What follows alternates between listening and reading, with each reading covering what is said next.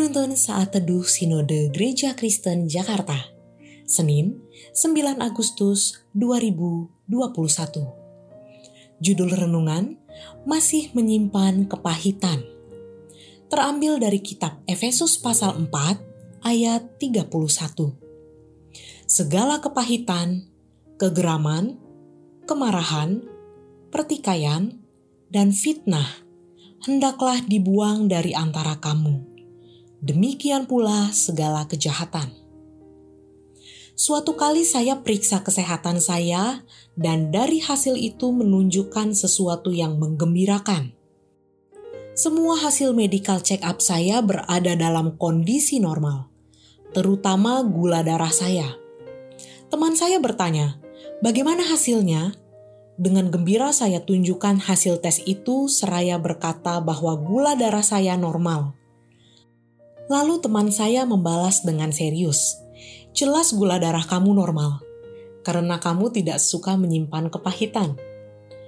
Tentu apa saja yang disampaikan oleh teman saya tidak ada kaitannya antara gula darah dan kepahitan.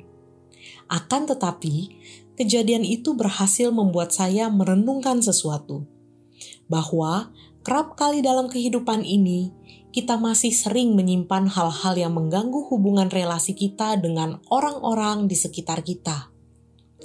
Meskipun sudah memaafkan, tetapi kita belum sungguh-sungguh membebaskan diri kita dari semua peristiwa yang membuat kita masih menyimpan kepahitan, kemarahan, dan kebencian.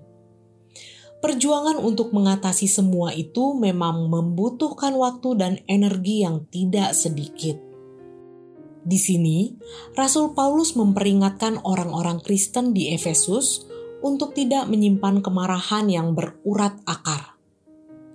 Daripada menyimpan semua itu dalam hidup kita, lebih baik membuang semua kepahitan dan kemarahan kita kita harus dengan rendah hati datang kepada Tuhan Yesus dan membuka diri untuk dijamah dan diselidiki oleh Roh Kudus, sehingga kita menyadari sebagai murid Tuhan, kita ingin menjalankan hidup ini dengan langkah yang ringan.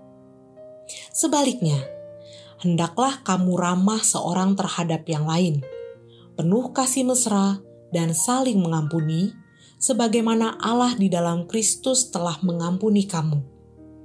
Jangan pernah berharap Tuhan akan mengampuni kita apabila kita tidak mau mengampuni orang lain. Untuk mencegah tumbuhnya akar pahit dalam kehidupan kita, hiduplah sesuai dengan firman-Nya, serta meminta Tuhan menunjukkan akar pahit dan memohon kasih karunia-Nya. Kita percaya bahwa setiap kita yang telah menerima Tuhan Yesus sebagai Tuhan dan Juru Selamat, itu berarti telah menerima Roh Kudus. Biarlah Roh Kudus bekerja menolong kita untuk tidak menyimpan kesalahan orang lain. Kepahitan jangan disimpan, kepahitan harus disingkirkan. Kiranya Tuhan memberkati kita.